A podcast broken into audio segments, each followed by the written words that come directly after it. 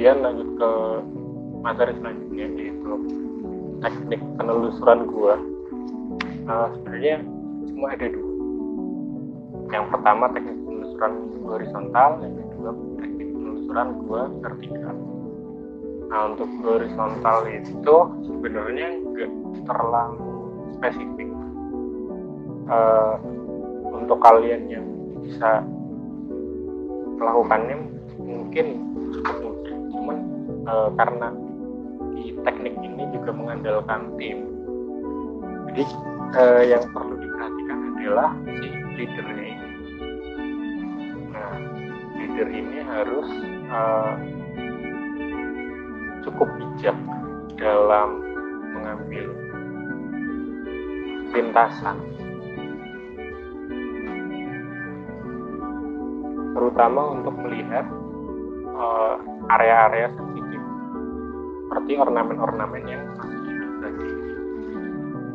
Kemudian dalam mengambil kecepatan kecepatan langkah ya kecepatan perjalanan tim. Ya itu perlu yang namanya uh, kebijaksanaan kemudian ya standar lah dari jongkok merayap terus jalan yang sempit seperti apa terus kayak misal bawa apa kemudian ya ada manjat-manjatnya dikit lah nanti bisa pakai bantuan webbing bikin rope atau apa pun itu yang membantu kita bergerak bergerak di uh, horizontal.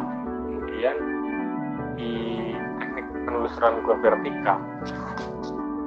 Teknik penelusuran gua vertikal ada satu cara yaitu namanya SRT untuk turun itu kita namakan rappelling atau descending. Untuk naik naik kita menggunakan descending. Nah yang perlu diketahui itu tekniknya rock apa ya gaya katak gitu ini jongkok berdiri rock rig system namanya. Kalau nggak salah ya. Jadi kalian pahami dulu mengenai alat-alatnya. Alat-alat yang perlu kalian ingat yaitu namanya single rope technique. Yaitu suatu teknik untuk melintasi seutas tali. Entah itu naik atau turun sekian dari saya mengenai Kevin.